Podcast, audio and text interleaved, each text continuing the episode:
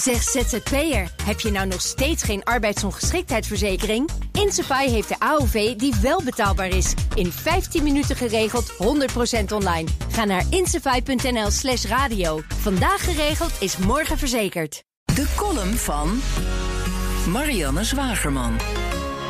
Mensen leven niet in filterbubbels en nepnieuws vormt minder dan 1% van het mediadieet van consumenten, legt de mediaprofessor Mark Deuze woensdag uit in de Big Five. Toch is dat een van de grootste problemen van deze tijd als je media moet geloven, die daarmee zelf nepnieuws rondpompen.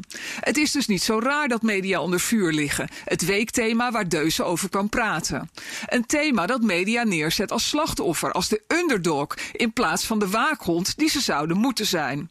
Zien media wel waar de kogel vandaan komt?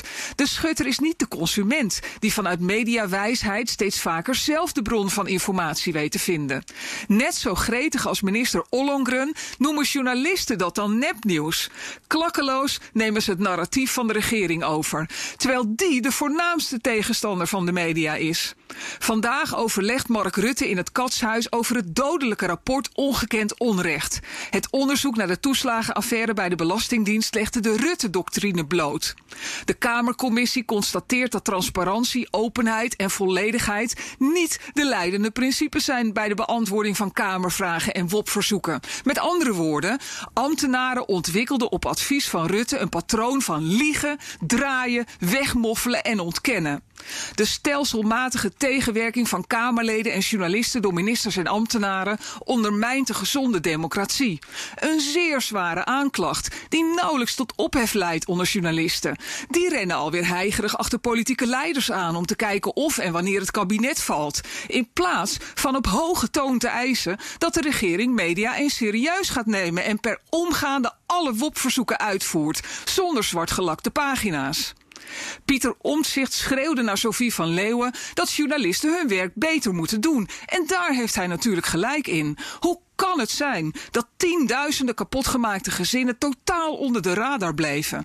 Dat geen journalist behalve Pieter Klein van RTL en Jan Klein Nijenhuis van Trouw hun leed opmerkte? Journalisten zijn onzichtbaar geworden voor gewone mensen, constateert professor Deuze. Er zijn geen lokale correspondenten meer, omdat lokale kranten allemaal zijn afgeknepen door hun nieuwe Belgische eigenaren. Een media-uitverkoop waartegen ook geen journalist ooit protesteerde en die de regering liet gebeuren. Je zou bijna denken dat het Rutte wel goed uitkwam. De getroffen gezinnen worden misschien ooit schadeloos gesteld. Hun ongekende onrecht wordt misschien ooit rechtgezet. Maar wie repareert de journalistiek? Zeg ZZP'er, heb je nou nog steeds geen arbeidsongeschiktheidsverzekering? Insafai heeft de AOV die wel betaalbaar is. In 15 minuten geregeld, 100% online. Ga naar insafai.nl slash radio. Vandaag geregeld is morgen verzekerd.